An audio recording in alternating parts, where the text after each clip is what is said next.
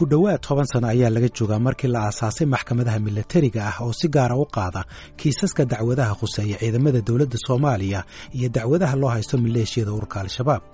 Maxkamadda ciidamadu si gaar ah waxay isaga xil saartay in sharciga la marsiiyo dadka lagu helo inay ka tirsan yihiin ururada argagixisada ah ee faldembiyeedyada lagu helo kuwaasoo qaar badan oo ka mid ah ay mutaystaan in lagu xukumo dil toogasho ah intooda badanna lagu fuliyo xukunadaas hase yeeshee waxaa dhinaca kale jira qaar ka mid ah dadka lagu tuhmaya inay ka tirsan yihiin ururada xagjirka ah oo aan la marsiinin maxkamadaha milatariga iyo garsoorka kale toona kuwaasi oo ku dhinta gacanta dadka soo qabtay.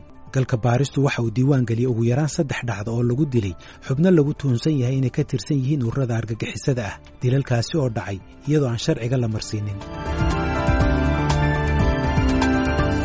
aynu tagna magaalada boosaaso ee maamul goboleedka puntland. Toddobadii bishii nofembar ee aynu soo dhaafnay waxaa maxkamadda ciidamadu ay dil toogasho ah ku fulisay shan nin oo lagu eedeeyey inay ka tirsan yihiin ururada al-shabaab iyo daacish hase yeeshee bishii sebteembar ee isla sanadkan waxaa gacanta ciidamada booliiska ku dhintay nin lagu magacaabo axmed maxamed xaaji aadan abuukar oo ku magac dheeraa axmed gaawo kaasi oo la soo qabtay soddonkii ogost isagoo lagu tuhmay falar argagixisanimo ah. Eheladiisu waxay sheegeen in la dilay maalmo kadib maxamed xaaji enow waa aabbaha axmed gaawo. Markii wiilkii la xiray aan raadinay ninka u dirnay nabadoonkii meeshii aan u dirnay waxay dhaheen wiilka baaritaan ayaan ku haynaa nagu soo laabo. Saddex beriyaa laga aamusi maanta afraaya loo tagay wiilkii maaha xaalkiisa war wiilkii meesha ku dhintay annagaa dugnay soyre magarat annagaa duugnay dheheen ha annagaa dugnay. Wiilka meesha ku dhintay meesha wiilka meesha ku dhintay annagaa dugnay war ma noqonaaye? Wiilka dib baa dhashatay dib baa dhalay ehel baa leeyahay xubno dhinaca amniga waxay galka baarista u sheegeen in axmed gaawo lala yeeshay waraysiyo kadib qabashadiisii. Kadibna habeen lagala baxay saldhigga bartamaha ee magaalada boosaaso isagoo caafimaad qaba oo lugihiisa ku socda. Sidaasi oo kale qoyska axmed gaawo waxaa iyagana loo sheegay in xabsiga laga bixiyey. Waana meel kale ku soo lagu deeyey marka ninkas soo markii loo keenay wiil asiga bareelaata e ay keenasiimiya meesha rabta geesta beliyaha wararka dhinaca amniga ah ee uu helay galka baarista ayaa muujinaya in axmed gaawo xubno ka tirsan ciidamada amnigu ay kala baxeen saldhigga bartamaha toddobaadkii u horreeyey bisha sebteembar waxaana mid ka mid ah ciidanku uu sheegay inay ku beegnayd lixdii sebteembar xilli abaarihii tobankii habeennimo ah kadibna muddo kadib isla habeenkaas lagu soo celiyey xabsiga balse askartii heeganka ku ahayd saldhigga ay diideen inay qabtaan. Kadib markii ay arkeen xaaladdii uu ku sugnaa oo lagu tilmaamay mid aad u liidata. Naf xumina ay ku jirtay sida ay sheegeen ilo dhinaca amniga ah. Ehelada axmed gaawo iyo ilo dhinaca amniguuba waxay sheegeen in ciidamada ka bixiya xabsiga ay ilaalo u yihiin taliyaha qaybta booliiska ee gobolka bari gaashaanla sare xuseen cali maxamuud taliyaha ayaa ciidanka hoos yimaada ay ahaayeen kuwa marka horeba soo qabtay axmed gaawo. Galka baaristu waxa uu la xiriiray gaashaanla sare xuseen cali maxamuud waxaana uu weydiiyey waxaa loo soo qabtay axmed gaawo. Sababta waxaa loo soo qabtay inuu iyo argagixisada uu la shaqeeyo kana mid yahay. Kabacdi maxaa dhacay? Xabsigu ayuu ku jiray waa laga bixiyey wuu dhintay see wax u dhaceen. Dhimashada ilaahay baa ku shaqale qofku isagoo banaanka marayana waa dhintaa isagoo xirana waa dhintaa isagoo muddo dheer jogana wuu dhintaa taasu wax la'aana kama taaginaa ilaahay baa ku shaqale qofku markuu dhimanayo iyo markuu noolaan marka laakiin dee arrintan gaarka maxaa ku dhacay isagoo u dhintay? Wuxuu sababsaday maxay ahayd? Wuxuu sababsaday ma jiraan oo la dhihi karo waxaa ku saabsay ninka waa la soo qabtay baarisbuu ku jiray baarisbu ka dhacay xabsiguu ka dhex dhintay dabeedna saasuu dhintay. Marka miyuu jiraday u xanuunsaday? Xabsiga dhexdeeda seebuu ugu dhintay? Mise waa la jir dilay adeer meesha tan cidna laguma jir dilay waxa ka jiraan wataa ma jiraan. Qofku xanuunku habeenkiina wuu iman karaa waktiga doonaa wuu dhici karaa. Ma aha wakti walba lagu xanuunsanaa kali aniga wax xanuuno hadda laysoo gudbiye ma jirin laakiin ninkaasoo dhimashadiisa ayaa laysoo sheegay markii aniga marka waalidkii waan la hadalay. Dad kale oo aan waalidkii ahayn oo madax bannaana waan la hadalay waxay leeyihiin ninkan waa la soo qabtay sida aad sheegtay xabsigaa la keenay. Soddonkii bishii ogost sanadkan ayaa la soo qabtay. Shan maalmood kadibna xilli habeen ayaa laga saaray xabsiga. Waxay leeyihiin ciidamada adiga ciidamadaada gaarka ah ayaa xabsiga ka saaray. Kabacdina xabsiga ayay ku soo celiyeen isagoo nafxun ku jirto. Su'aasha la isweydiinaya waxa weeyaan isagoo caafimaad qabaa la saaray isagoo nafxun ku jirtana waa la soo celiyey intii ka dhexaysay maxaa dhacday? Taliya waxba kama jiraan war waxba ka jiran wey maxaan waxba ka jirin ma inuu naf xun ay ku jirtay mise inaan waxba jiraan muxuu u dhintay marka ilen adiga maadaama ninka aad soo qabatay mas'uuliyad baa kaa saaran aanaad xirtay wuxuu u dhintay ma ka sal gaadhay oo ma ii sheegi kartaa hadda?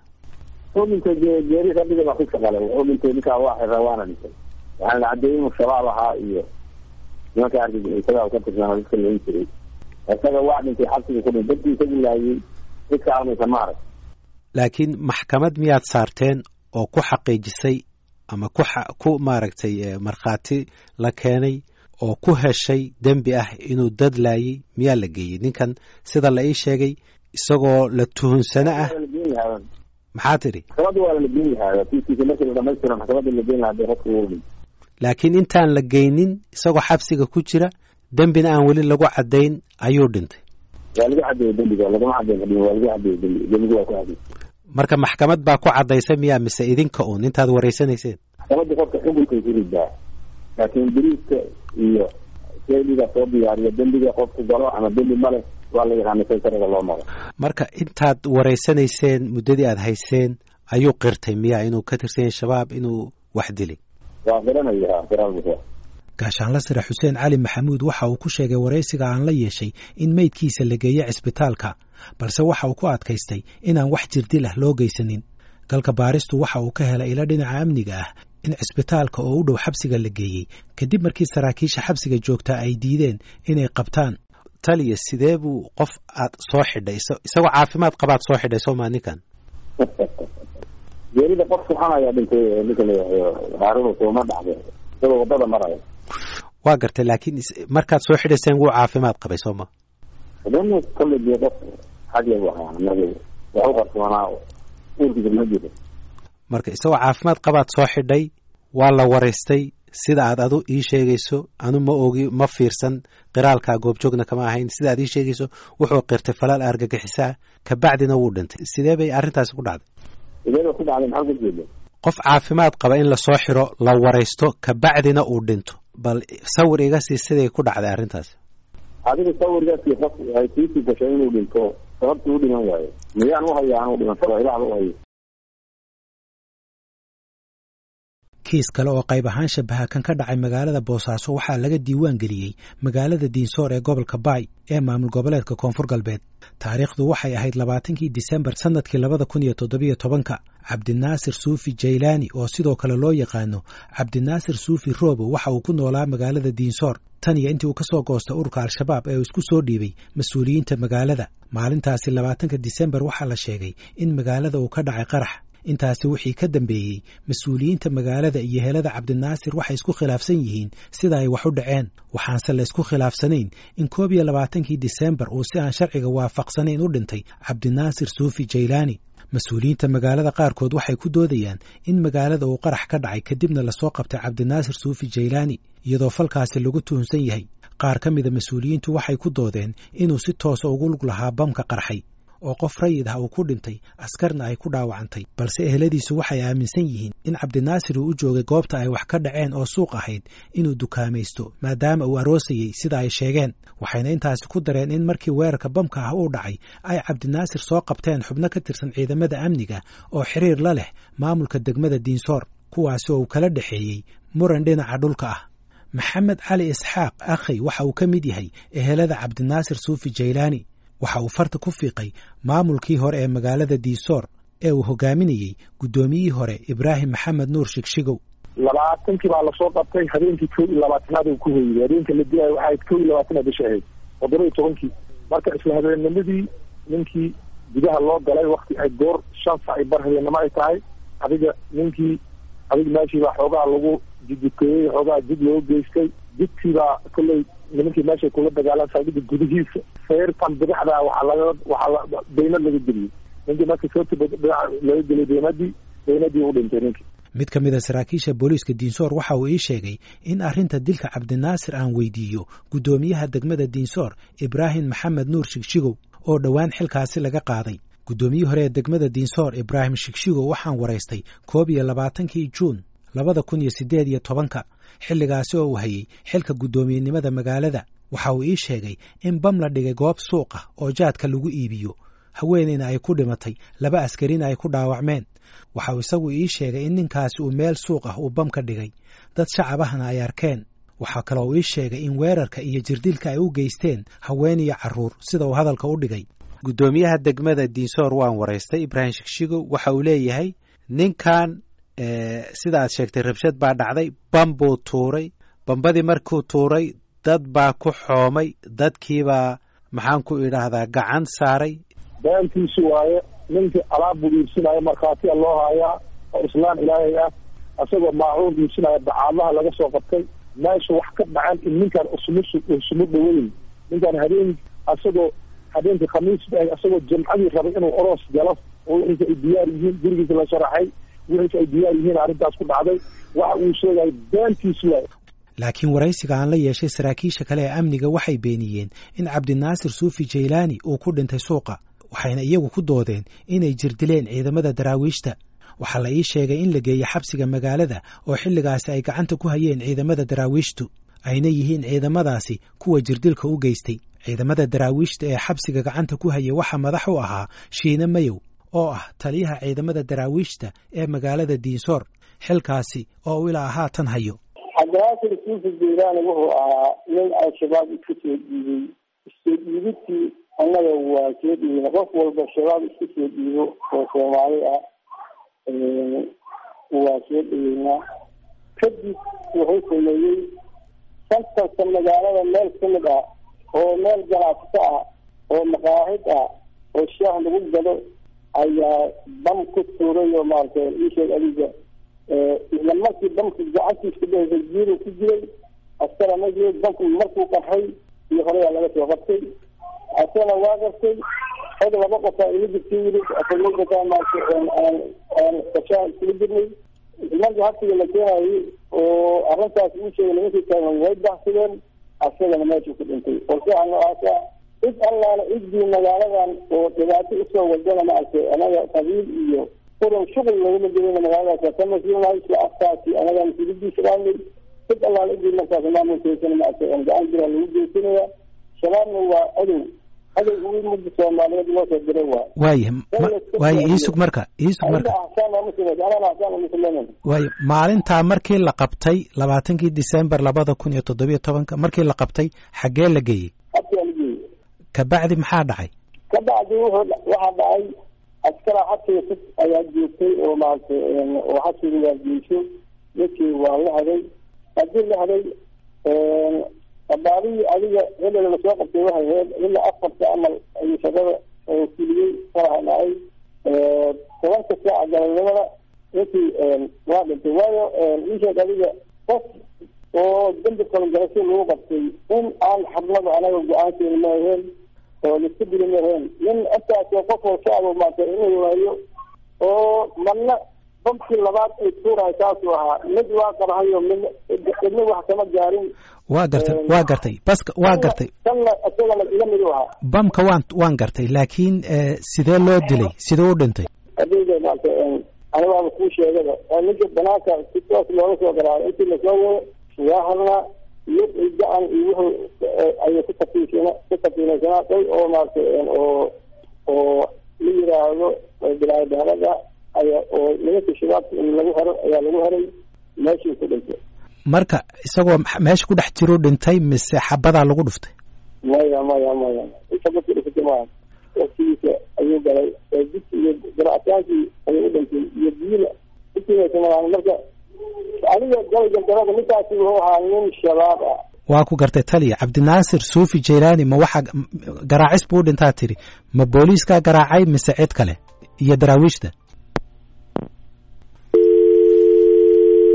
isla wakhtiga uu telefoonkaasi go'ay waxaan mar kale ku celiyey. Taliya shiine mayow hase yeeshee kama uusan jawaabin wicitaanka telefoonka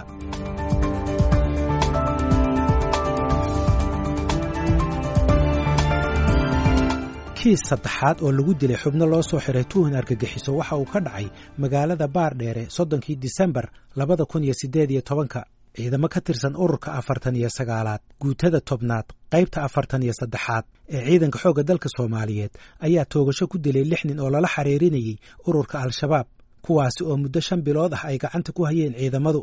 Taliyaha ururka afartan iyo sagaalaad xidigle faarax cabdinuur cabdi turbac waxa uu waraysi uu siiyey idaacadda v o a uu ku difaacay dilka la tuhunsanayaashaasi waraysigani waxa uu idaacadda v o a ka baxay kowdii bishii janaayo labada kun iyo sagaaliyo tobanka waxaana waraysigan la yeeshay wariyahayaga khadar maxamuud xareed. Tirada lix qof wey la toogtay saas marka ma maxkamad ayaa jirtay la saaray oo soo socotay muddada shanta bilood aad gacanta ku hayseen mise siday u xirnaayeen ayaad soo qabateen oo waa toogateen may dadkan waa la baaray waa la xaqiijiyey federaal bay wada ahaayeen. Dadka idilena dad la wada yaqaanay ahaayeen. Sida aada la socoto taliyaha xoogga iyo wasiirka gaashaandhiga awmir ay bixiyeen baa jirtay. Xilli ayaan hore ay laba generaal ay ku dhinteen meesha la yihahdo afkooyi xilli askara loo sameynayo awmir a waxay bixiyeen in ciidanka xoogga dalka soomaaliya lagu amraayo laga bilaabo waktigaas in al-shabaab haddii la qabto meesha lagu qabto inay maxkamad u tahay sharcigana la waafajiyo. Annagoo awamirta ayada ka duulina ayaan fulinay dilkan marka wax maxkamada oo la saaray ma jirin oo sidaana ay eedihii loo jeediyey iyo ood ku fuliseen. Annagu ciidan baa nahay amar baa nala siiyey amarka nala siiyey baana fulinay. Maxkamadda milatariga oo dilka raggaasi faragelisay waxay xukuntay in dilka raggaasi aan loo marin qaab sharci ah waxayna soo qabatay xidigle faarax cabdinuur turbac afartii bishii may ee sanadkan ayaa maxkamadda milatarigu waxay ku heshay in ciidamadiisu ay ku tagrifaleen awooddoodii ciidan kadib markii ay toogteen maxaabiis ku xidhnaa magaalada baardheere xidigle faarax cabdinuur turbacna waxaa lagu helay inuu ku guuldarraystay inuu maareeyo ciidankiisa waxaana maxkamaddu ay ku xukuntay shan sano oo xarig ah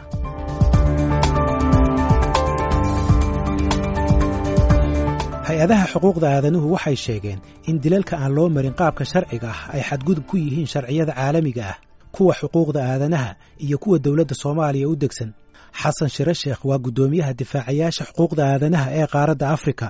Midka qaanuunka soomaalida u degan iyo midka gobolka ee africa u degan iyo midka caalamiga ah dhammaantood waxay farayaan in loola dhaqmo dadkaasi inay yihiin marka koowaad dad aan dembi gelin oo aan lagu oogin maxkamad ayna ku caddeyn inay dembiga galeen.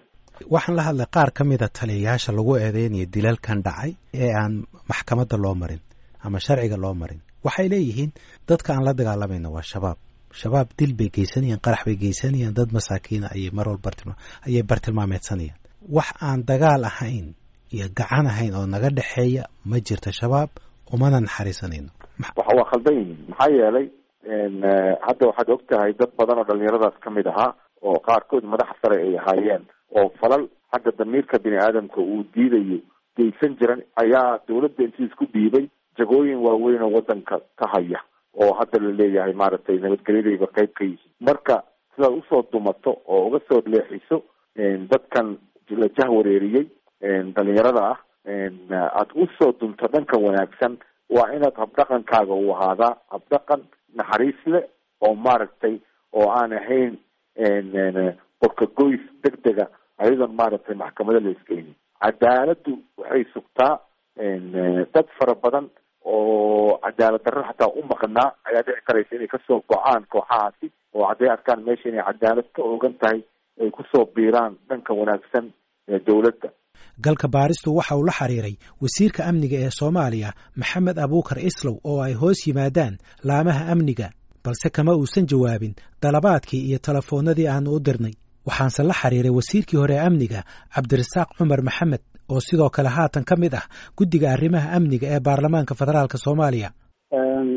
Horan arrimahaas waa arrimo runtii yani dhaco aniga naftigii kaysas badan oo noocaas lamida waa arkay waana yani wayna jiraan waa waxa loo yaqaano extra judicial killing yani qof isagoo aan maxkamadii la keenin laiska dilaayo ama la leeyahay waa shabaabe waana aragnay yani dad badan oo mas'uuliyiin oo arrimahaas ka hadlaya oo dhahayo yani shabaab meesha lagu qabtaa lagu dilo oo yani hadalkoodii lahaayo dad mas'uuliyiina ka tirsan hay'adaha amniga arrintaas waa arrin qalada qofka shabaabka marka la soo qabtay wuxuu u baahan yahay in dembiga lagu caddeeyo in maxkamad la keeno in maxkamaddu ay xukunto oo yani xukunkaasna lagu rido.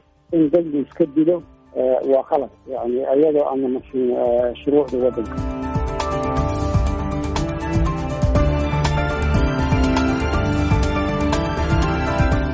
Barnaamijkii galka baaristuna waa naga intaas.